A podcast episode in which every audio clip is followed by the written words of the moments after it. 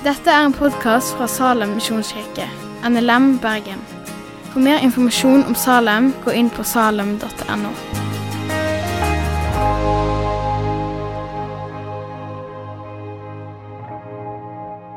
Hei. Kjekt å se dere alle. Det er mange her jeg ikke har sett på lang tid, ser jeg. Det er gøy. I dag er det jo en høytidsdag. Det er pinsedag. Ja, For de av dere som ikke kjenner meg, så heter jeg da Gjermund Øystese. Eh, jeg er 33. Har bodd i Bergen i snart 13 år. Jobba i laget før. Eh, Jobba for eh, Dag Inge Ulstein, utviklingsministeren, et år. Og nå jobber jeg som kommunikasjonsrådgiver i Norges kristne råd. Så jeg har hjemmekontor på 14 måned fra Bergen. Så det er helt topp. Jeg ber litt, jeg, før vi begynner. Gode far, jeg takker deg for denne dagen. Takk at vi får lov å komme sammen på pinsedagen, Herre. En, en høytidsdag. Den dagen du eh, kom oss nær med din ånd. Jeg ber om at du åpner hjertene våre, Herre, for uh, hva du har å si til oss i dag.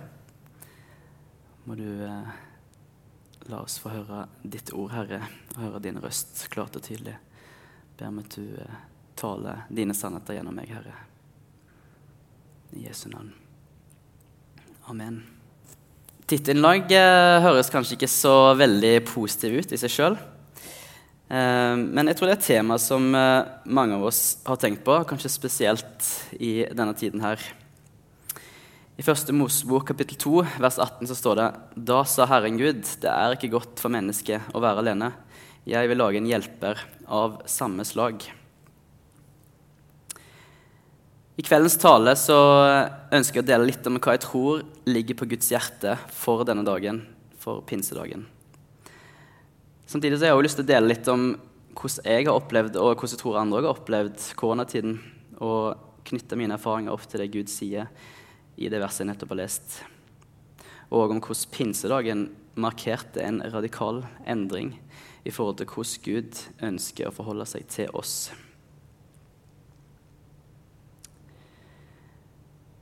Nå skal jeg si som, noe som jeg tror mange av dere har hørt før, og hørt ganske mange ganger i løpet av det siste halvannet året. Eh, samtidig så har jeg litt lyst til å gå inn i den materien. Eh, fordi jeg tror det er viktig at en i menighetene snakker sant om livet. Eh, og snakker sant om det som en har opplevd, og tør å si ting rett ut. Det tror jeg er veldig sterkt på. Når sant skal sies, så, så har jo koronatiden vært en ganske tung tid for mange. Eller? Jo, altså, folk har jo opplevd pandemien på ulikt vis. Ulik vis.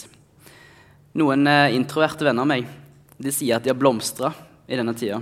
At de aldri har vært så kreative og aldri har fått gjort så mye som de har fått gjort nå. Men for de som er litt mer ekstroverte, inkludert meg sjøl, så har pandemien vært tung tidvis. Spesielt på det relasjonelle planet. Fram til jul så pleide jeg å si når folk spurte meg eh, hvordan det gikk, at jo da, det, det går greit. Eh, det går jo mot bedre tider, og det er jo andre som har det verre. Men etter jul så kjente jeg at det ble litt tyngre. Jeg var ikke klar for en vår til uten å kunne treffe folk sånn som jeg ønska. Eller kunne gå i menighet. Eller kunne gå på kino, ta en kaffe, eh, spise ute på restaurant eh, driver med idrettene jeg liker å drive med. Det er noe med at en innser hvor mye en savner ting når en ikke har det lenger. Altså når det blir tatt ifra en. Da kommer jeg egentlig til et punkt der jeg bare måtte erkjenne at vet du hva, det går faktisk ikke så greit. Ofte er det jo sånn at når noen spør deg hvordan det går, så sier du ja, det går fint. Ja, Men hvordan går det egentlig? Det er den klassiske, for du vil jo vite hvordan det egentlig går. Og jeg kjente at ja, nå var jeg lei av å si at det gikk greit, fordi jeg kjente at det ikke gikk greit. Så jeg sa vet du hva, det går ikke så greit. Og det er helt greit å si. Selvfølgelig var det andre mennesker som hadde det mye verre enn meg. Både i Norge og spesielt i resten av verden. Men tiden oppleves òg kjip for meg. Skulle det at andre hadde det kjipere enn meg, bety at jeg ikke kunne synes det var kjipt? Nei, fordi at det å være lei seg, det er en subjektiv opplevelse. Og det gjør det jo ikke lettere for meg å høre at andre har det kjipt, eller andre har det kjipere når jeg har det kjipt sjøl. Ja, her var det mye kjipt snakk, kan du si. For en kjip måte å starte en tale på, som kanskje skal være oppbyggelig, kan du tenke. Men i en tid som opplevde som at livskraften på en måte ble litt sugt ut av en, hvor en liksom ikke hadde noe å se fram til eh, fordi at en ikke kunne planlegge noe ikke hadde noen gulrøtter som lå der framme, en, en, tur til London eller en konsert eller hva enn det var. Det, det, var ikke noen gulrøtter der framme fordi at vi kunne ikke planlegge. Den uvissheten den har vært tung å leve med, og den tror jeg har vært tung å leve med for mange. Det Ofte er det jo de gulrøttene som driver oss fram i hverdagen. er det ikke det? Vi ser jo fram til ferie. sant? Vi ser fram til når du skal liksom, dra på en hyttetur, eller liksom alle disse her små gulrøttene eller større gulrøttene. Det er liksom de som ofte drives fram. Da. Når da menneskelig kontakt i tillegg blir erstatta med skjerm, så hjelper jo ikke det på heller.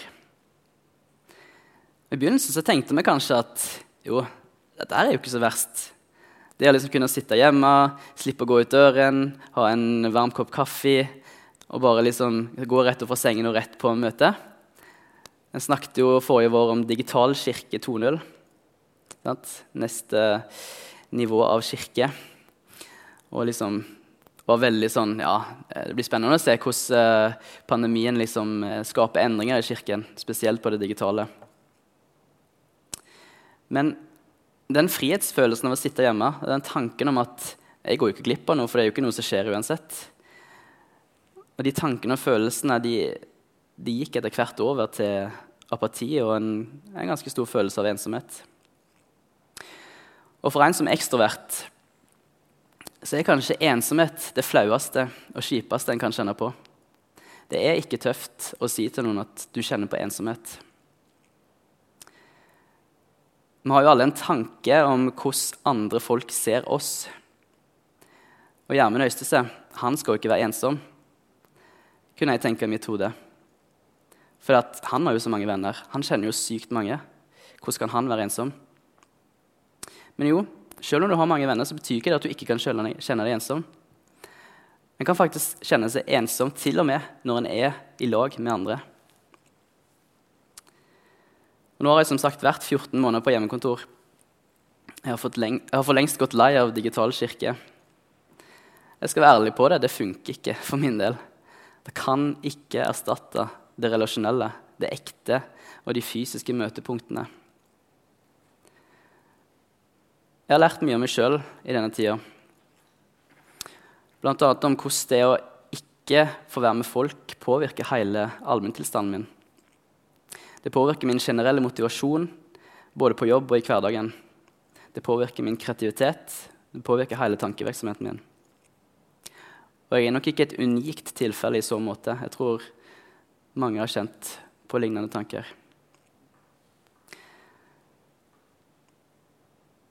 Jeg kan på mange måter si at jeg har erfart i praksis i koronatiden at det ikke er godt for mennesket å være alene. Det er nemlig ikke godt for noen å være alene. Noen mennesker velger frivillig å trekke seg tilbake for en periode eller for en dag. Men vi trenger alle fellesskap. Vi trenger fellesskap med andre mennesker før eller siden. Mange vil hevde at eh, verset som jeg leste innledningsvis i første Mosebok, handler om ekteskap. Og ofte så blir det nok brukt i den sammenhengen. Men jeg fikk en tanke her for en tid siden. Hva om dette verset ikke bare snakker om ekteskapet? Men hva om det er Gud som anerkjenner at vi som mennesker er helt avhengig av relasjon til andre mennesker for å ha det bra? at denne teksten likså godt kan handle om vennskap mer enn ekteskap. Vi har noen ting som, som vi må si når vi er kristne. Det er en sånn politisk korrekthet òg blant oss kristne. En av de tingene jeg opplever, er litt sånn Gud er nok for meg. en litt sånn politisk korrekt ting å si når du er kristen. Gud er nok for meg. Jeg trenger ikke noe andre, for at Gud er nok. Gud skal fylle, han skal stilne alle mine lengsler. Jeg skal ikke si noe annet når jeg går i kirke. Men hvis vi er ærlige med oss sjøl når vi sier dette her, at Gud er nok Er Gud nok? Misforstår meg rett. Vi skal lengte etter og vi skal ønske at Gud skal være nok for oss. Nettopp fordi at Gud ønsker med hele seg å være nok for oss. Han vil være alt, og han er den vi skal og bør lene oss på gjennom hele livet. Men tidvis så opplever vi som mennesker at Gud ikke er nok. At det er noen behov der som en simpelthen ikke får tilfredsstilt gjennom relasjonen med Gud. For er det ikke sånn noen ganger i livet at relasjonen med Gud oppleves som en ørkenvandring? At en ikke hører fra Gud, at Gud oppleves fjern? Jeg har vært der, og jeg tror samtlige her inne har vært der. Tidvis var jeg der gjennom koronatiden. Og jeg tenkte at Men nå har jo du hjemme, nå har jo du all tid i verden. Hvorfor bruker du ikke bare tiden godt og blir bedre kjent med Gud nå så det ikke skjer noe annet? Hvorfor dykker du ikke ned i Bibelen? Hvorfor leser du ikke kristen bok etter kristen bok? For det er jo ikke noe annet som skjer. Det skal jo ikke ut på noe.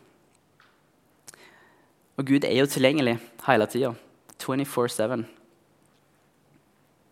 Og jo, jeg har hatt mer introvert tid nå på halvannet år enn jeg trolig har hatt hele mitt liv.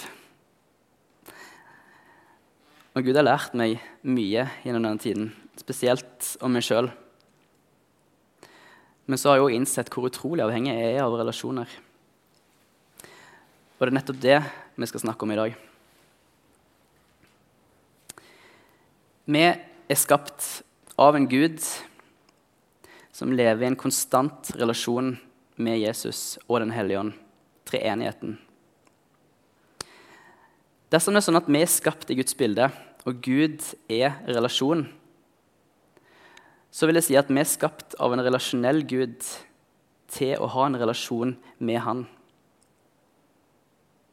Treenigheten er altså grunnlaget for alle relasjoner. Samtidig er det sånn at dersom Gud er kjærlighet, og det ligger i kjærlighetens natur å ville gi kjærlighet videre, så krever jo det at en har noen å gi kjærligheten til.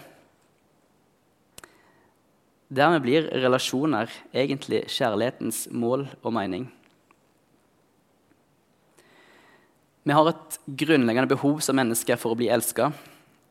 Og jeg tror ikke at vi evner å elske andre før vi har blitt elska først. Vi elsker fordi han elsker oss først.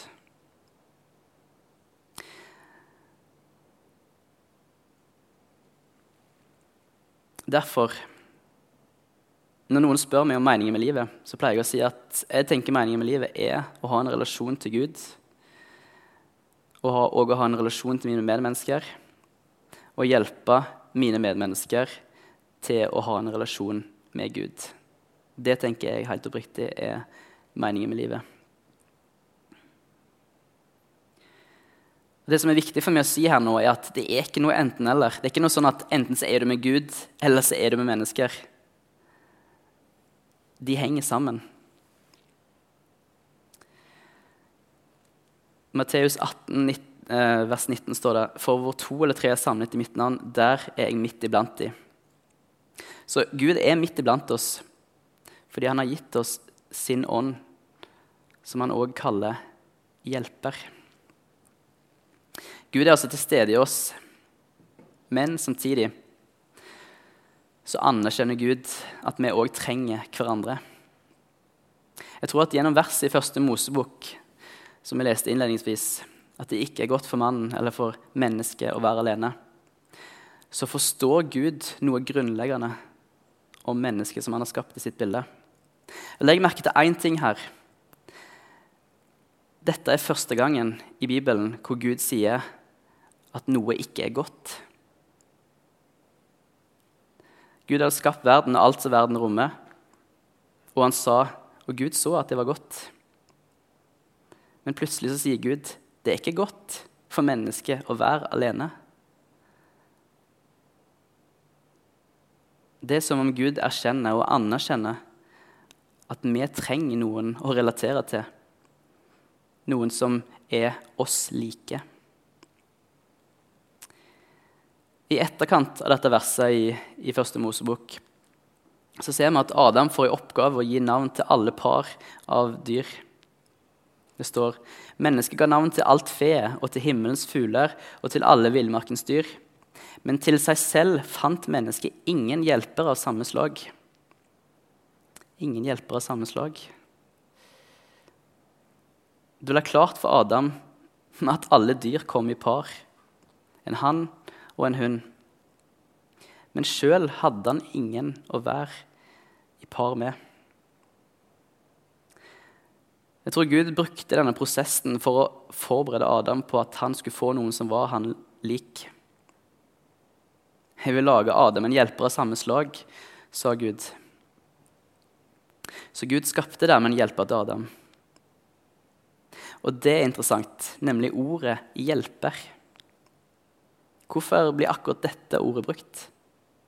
Kunne sagt partner, kunne sagt mange andre ord, men han bruker ordet 'hjelper'. Når eh, vi hører ordet 'hjelper', så tenker vi ofte at det er gjerne en som har mindre erfaring, en assistent, en som skal hjelpe til. Men ordet 'hjelper', som er brukt i denne sammenhengen, er så langt unna det som det kan komme. Gud skapte kvinnen til Adam for å være hans hjelper. Men Gud er òg vår hjelper. Ordet 'hjelper' på hebraisk, 'eser', er brukt som et navn på Gud 66 ganger i Bibelen. Ordet snakker om Guds styrke, Guds kraft, beskyttelse og det at Gud er vår redning eller utfrier. Derfor er det heller ikke rart at Guds ånd altså Den hellige ånd, blir kalt for hjelper. I Johannes kapittel 14, vers 16-17 kan vi lese Og jeg vil be min far, og han skal gi dere en annen talsmann, som skal være hos dere for alltid. Sannhetens ånd, som verden ikke kan ta imot. For verden ser ham ikke og kjenner ham ikke. Men dere kjenner ham, for han blir hos dere og skal være i dere. Her står det altså ordet 'talsmann', men det ordet kan også bety hjelper. På engelsk så står det And I will ask the Father, and he will give you another helper to be with you forever. Og Vi ser det i flere vers. Det står i Johannes 15, 26. Når talsmannen kommer, han som jeg skal sende dere fra far, sannhetens ånd som går ut fra far, da skal han vitne om meg. Og igjen på engelsk. But when the helper comes, whom I will send to you from the Father. The Spirit of truth who proceeds from the Father, he will bear witness about me.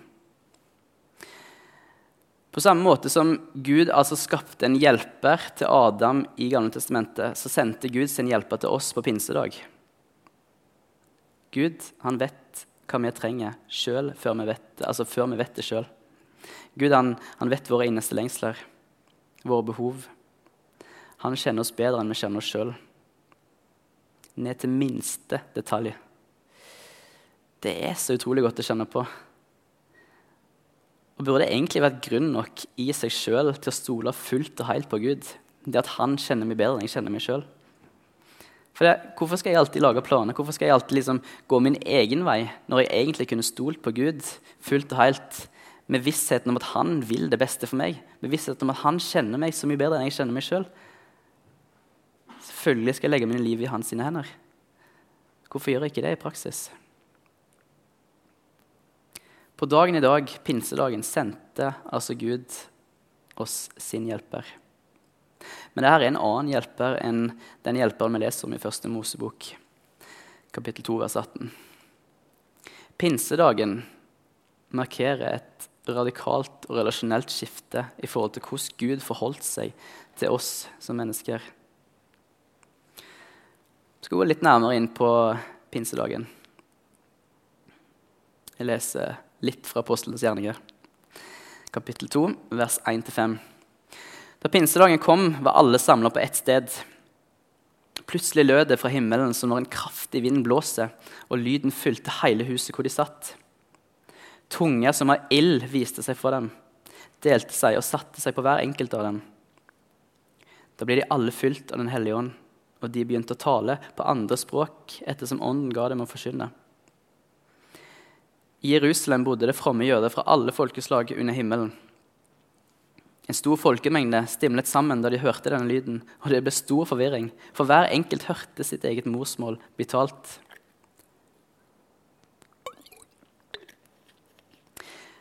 Nå skal vi forestille oss at vi er på pinsedagen.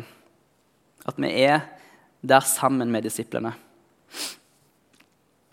Pinsedagen det var en høytidsdag, den mest populære høytiden. Og disiplene var opptatt av å holde sammen, spesielt på høytidsdager. Kanskje var det en ganske blanda stemning blant disiplene den dagen. her, fordi at jo, det var en høytidsdag, og de smilte og lo og snakket sammen. Men samtidig så klarte ikke de la være å tenke på at Jesus hadde jo dratt ifra dem. Der ble de nok tatt litt på sengen av hvordan Den hellige ånd kommer. Det står at han kom helt plutselig. Noen må jo ha blitt helt skremt av det som skjedde. Kanskje spesielt av ildtungene. Det står at lyden fylte hele huset hvor de satt. Så dersom de har satt inne, må jo ilden ha vært skremmende. Hva om noe tok fyr? Hva om eh, kjortlene som eh, de hadde på seg, tok fyr, f.eks.? Det at ildtungene lander på hvert enkelt hode, til og med uten å gjøre skade, det var sikkert ganske spesielt å se. Det er som om Gud kommer helt nær og nærmest kysser disiplene gjennom ilden. Og Her er kontrasten enorm. Fordi fra en Gud som nok har virka fjern og distansert, så er han nå plutselig blitt nær og personlig. Det som skjedde etterpå, det var egentlig ganske underlig. Alle begynte å tale ulike språk. Se igjen for deg at du, du, er der. Du prøver å lytte til alle språkene som eh, blir snakka, men det er jo utrolig vanskelig å høre, fordi alle snakker jo i kjeften på hverandre. Folk bare babler i vei. Kan det være at det var en dypere mening bak språkunderet? Dersom evangeliet skal bli forsynt i hele verden, så må evangeliet bli forkynt på språk som folk forstår. Og her har en både et makro- og et mikroperspektiv. Det store bildet er selvfølgelig at alle skal få høre evangeliet. Men samtidig kan en tenke at jo, men Gud han bryr seg faktisk sånn om meg at han får andre til å snakke mitt språk, sånn at han kan nå gjennom til mitt hjerte. Og ikke bare snakker han mitt språk, men han snakker mitt hjertespråk. Pinsedagen er, blir da et enormt bilde på Guds nærhet og kjærlighet for menneskene. Hjertespråk handler om tillit og det intime. Det at Gud vil være med meg. Det at Gud kjenner meg så godt at han kan snakke mitt hjertespråk. En annen parallell til pinsedagen som ble veldig sånn wow når jeg hørte det, det er når vi ser at i andre Mosebok, eh, kapittel 28, så ser han at Moses stiger ned fra Sinai-fjellet. Og så oppdager han at israelsfolket har brutt pakten de hadde med Gud. Og at 3000 mennesker døde blant israelsfolket den dagen. Så går vi til pinsedagen, og så ser vi at etter at Jesus ble tatt opp til himmelen, så steg Guds ånd ned, og rundt 3000 mennesker ble lagt til menigheten. Moses stiger ned 3000 mennesker dør. Jesus stiger opp. 3000 mennesker får nytt liv ved at de blir frelst. Det er en heftig parallell. Og så er det jo også det at Med Sinai-fjellet så fikk ikke israelsfolket komme nært der hvor Herrens nærvær var. Men når vi leser i apostelgjerningen, så ser vi at alle var samla, og Herren kom nær dem gjennom ånden som kom ned. Her står det 'alle var samla'. Og bruken av ordet 'alle' det er ikke tilfeldig. Det kan nemlig vise til at evangeliet er for alle folkeslag. Samtidig var pinsefesten et minne om Israels folke sin grunnleggelse under ørkenvandringen. Den som blir kalt shavot av jødene. Og På samme måte som Shavuot markerte dagen hvor israelsfolket mottok sin Tora, loven, så kan en trekke en parallell til at pinsedagen var en grunnleggelse av et nytt samfunn startgropen på en verdensomspennende misjonsbevegelse. Derfor tenker jeg at denne teksten utvilsomt er en av Bibelens aller viktigste tekster. Fordi at den beskriver hvordan Den hellige ånd, vår hjelper, blir gitt til menneskene, til oss, som et redskap for å bli kjent med Gud og gjøre Han kjent for alle mennesker på jorden. Som et redskap for å ha en relasjon til Gud, et redskap til frihet. Om vi ser videre på betydningen av ordet ånd, ser vi at ånd betyr både pust og vind. Og I vers 2 i apostelgjerningen ser vi at vind kommer. Og det er et kjent bilde på at Gud kommer nær med sin ånd.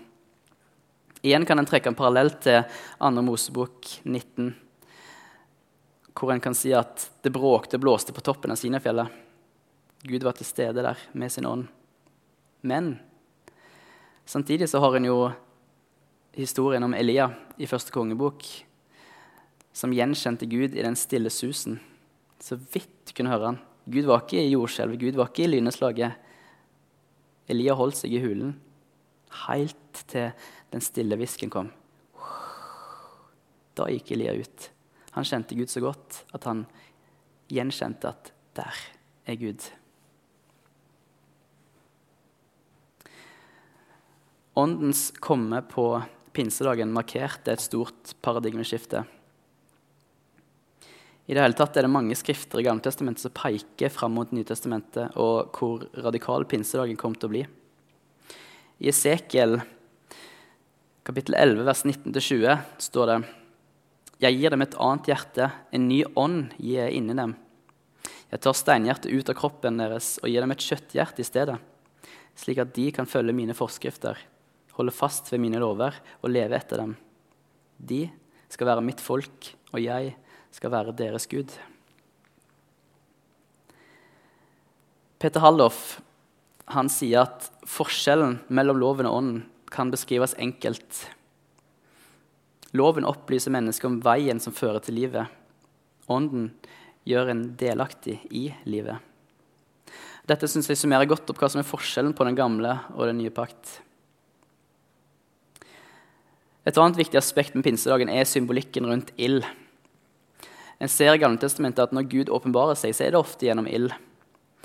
Det er et bilde på noe som renser. Det vitner om Guds kraft, det er Guds nærvær, Guds renhet og Guds hellighet. Når Gud skulle demonstrere sin styrke, så var det ofte gjennom ild. Ildsøylen på utferden av Egypt som fortært, ja, ildsøylen på utferden av Egypt og ilden som fortærte brennofferet i styrkeprøven mellom Elias og Balsprestene. Oppsummert så blir ild i Gamle testamentet omtalt som fortærende, omtalt som noe livsfarlig, noe en ikke kunne nærme seg.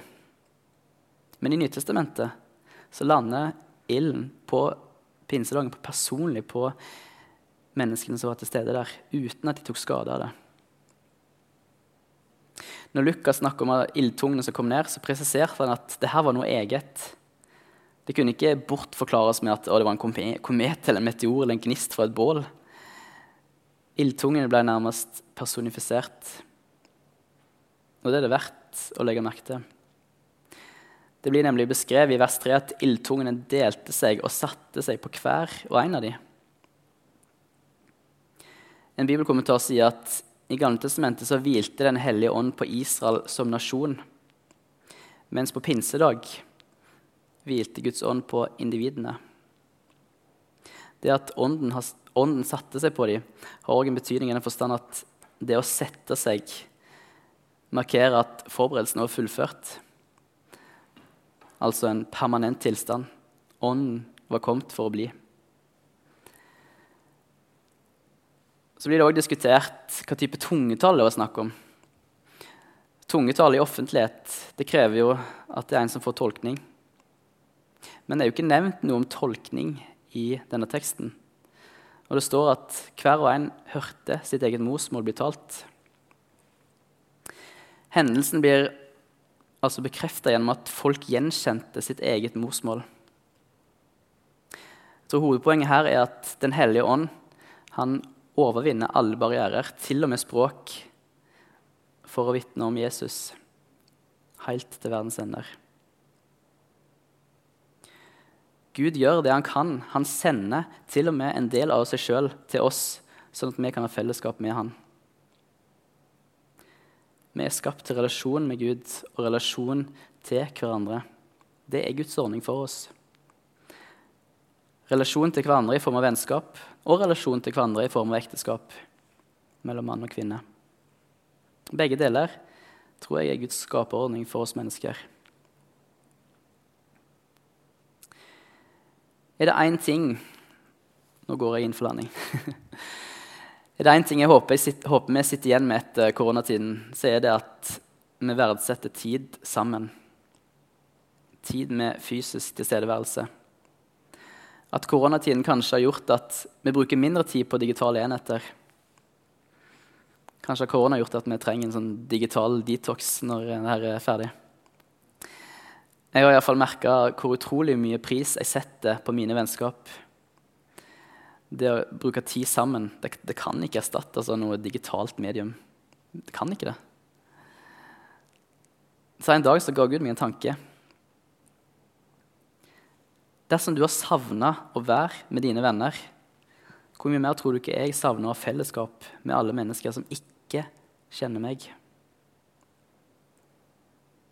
Det var en ny tanke for meg, men en tanke som ga veldig mening. Altså, min lengsel etter fellesskap i koronatiden den er faktisk ingenting sammenligna med Guds lengsel etter å ha fellesskap med alle sine barn. Det, er ikke i nærheten engang. Og det er bare sånn wow. Ha. I 2. Mosebok kapittel 34 vers 14 står det at Gud er en nidskjær Gud. Det kan òg oversettes til For han er en Gud som brenner av lengsel etter fellesskap med deg. Uttrykket nidskjær er et veldig sterkt uttrykk som viser Guds brennende hjerte. Vi ser det i f.eks. Jesu lignelse om den fortapte sønn. Et nylig bilde av Gud som far, hvor han står der og speider etter sønnen sin. I Guds hjerte ligger det en utrolig sterk lengsel etter fellesskap med sine barn. Ingenting annet er viktigere for Gud. Og Denne sterke lengselen den kom til uttrykk gjennom Jesu fullbrakte verk på Golgata. Korset handler om en dyp og inderlig kjærlighet. Gud elsker så høyt at han ga. Og vi kan lese om forhenget i tempelet som revna. Jeg har alltid tenkt at dette her, det, det åpner en ny og levende vei for alle mennesker inn til Guds hjerte inn i Guds nærhet og virkelighet. Men på samme, som, på samme måte som veien ble åpna for oss, ble veien åpna for Gud mot oss. Endelig kunne hans kjærlighet igjen bli åpenbart og utøst over menneskene, hans barn. Vi må forstå at Gud er oppriktig og dypt interessert i oss han står og speider etter oss. Han står og lengter etter oss. Han, han gir aldri slipp på oss. Og hensikten er klar. Han vil vise deg enda mer av sin kjærlighet og på ny utøse sine rikdommer over ditt liv. Når du tror på Jesus, så har Gud tatt bolig i deg, som han gjorde på pinsedagen. Da vil han ha en relasjon med deg et vennskap med deg. Gode far, takker deg at du er til stede i våre liv, at du har gitt oss av din ånd, Herre. At du leder oss dag for dag, Herre. Må du eh, hjelpe oss å lytte enda mer til din ånd, Herre. Må du hjelpe oss å bli var, Herre, på hva du ønsker å si til oss hver dag. Bli var på hva du vil si til våre medmennesker, Og bruke oss, Herre, som verktøy for å nå ut med, med ditt grensesprengende evangelium. Ditt evangelium som leder til frihet. Jeg ber for hver en som er her for. Må du møte oss sånn som vi trenger å bli møtt, Herre.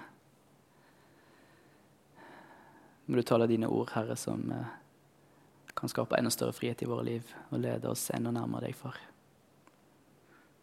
Legge resten av kvelden, Herre, i dine hender, far. I Jesu navn. Amen. Takk for at du har hørt på podkasten fra Salem, Bergen. I Salem vil vi vinne, bevare, utruste og sende. Til Guds ære. Vi ønsker å se mennesker finne fellesskap, møte Jesus og bli disippelgjort her i Bergen og i resten av verden. Vil du vite mer om oss, gå inn på salem.no.